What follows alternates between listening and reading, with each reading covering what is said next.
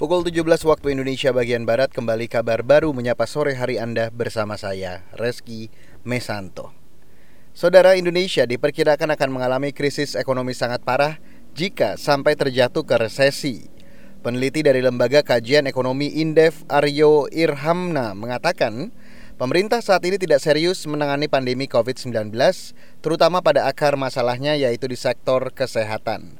Aryo menyebut pemerintah lebih fokus menangani dampak pandemi pada ekonomi. Apakah ada perkiraan jika Indonesia masuk resesi akan seberapa parah dibandingkan negara lain di tahun ini?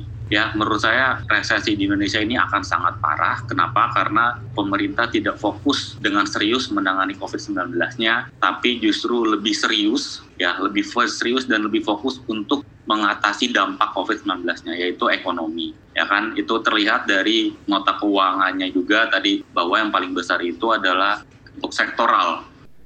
Peneliti ekonomi Indef Aryo Irhamma mengatakan, alokasi anggaran untuk kesehatan dalam program pemulihan ekonomi nasional tahun depan hanya sekitar 25 triliun rupiah.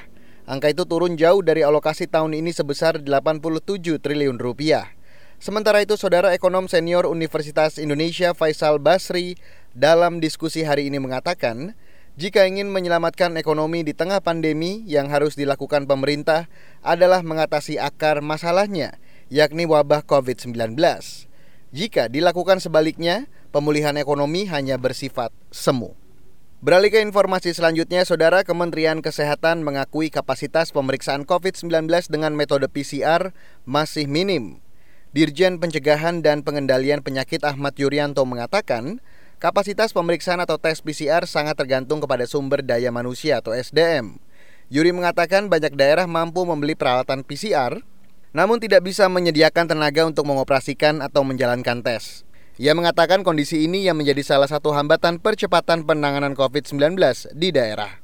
Kapasitas betul, belum merata. Beberapa daerah mampu membeli PCR, mesinnya, tetapi tidak mampu menciptakan SDM-nya, sehingga pun tidak berjalan dengan maksimal. Ini juga menjadi sesuatu yang harus kita pikirkan, bahwa penyelesaian testing bukan membeli mesin sebanyak-banyaknya.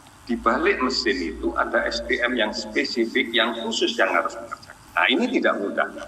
Dirjen Pencegahan dan Pengendalian Penyakit dari Kementerian Kesehatan Ahmad Yuryanto mengatakan, Hambatan lain dalam mengatasi pandemi virus corona saat ini adalah masih rendahnya pelacakan orang-orang yang berkontak erat dengan pasien positif COVID-19 di daerah. Saat ini, angka penularan COVID-19 di Indonesia masih tinggi.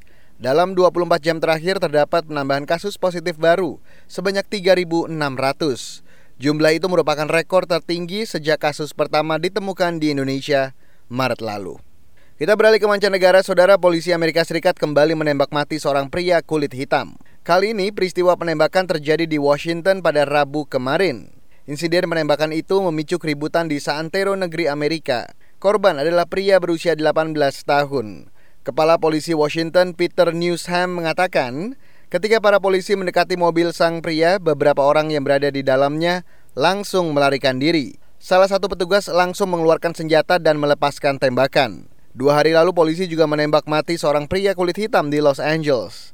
Ini menambah rentetan kasus penembakan terhadap warga kulit hitam sejak tewasnya George Floyd pada Mei lalu. Kasus George Floyd berujung aksi besar-besaran menentang rasialisme warga kulit hitam di Amerika. Demikian kabar baru KBR saya Reski Mesanto.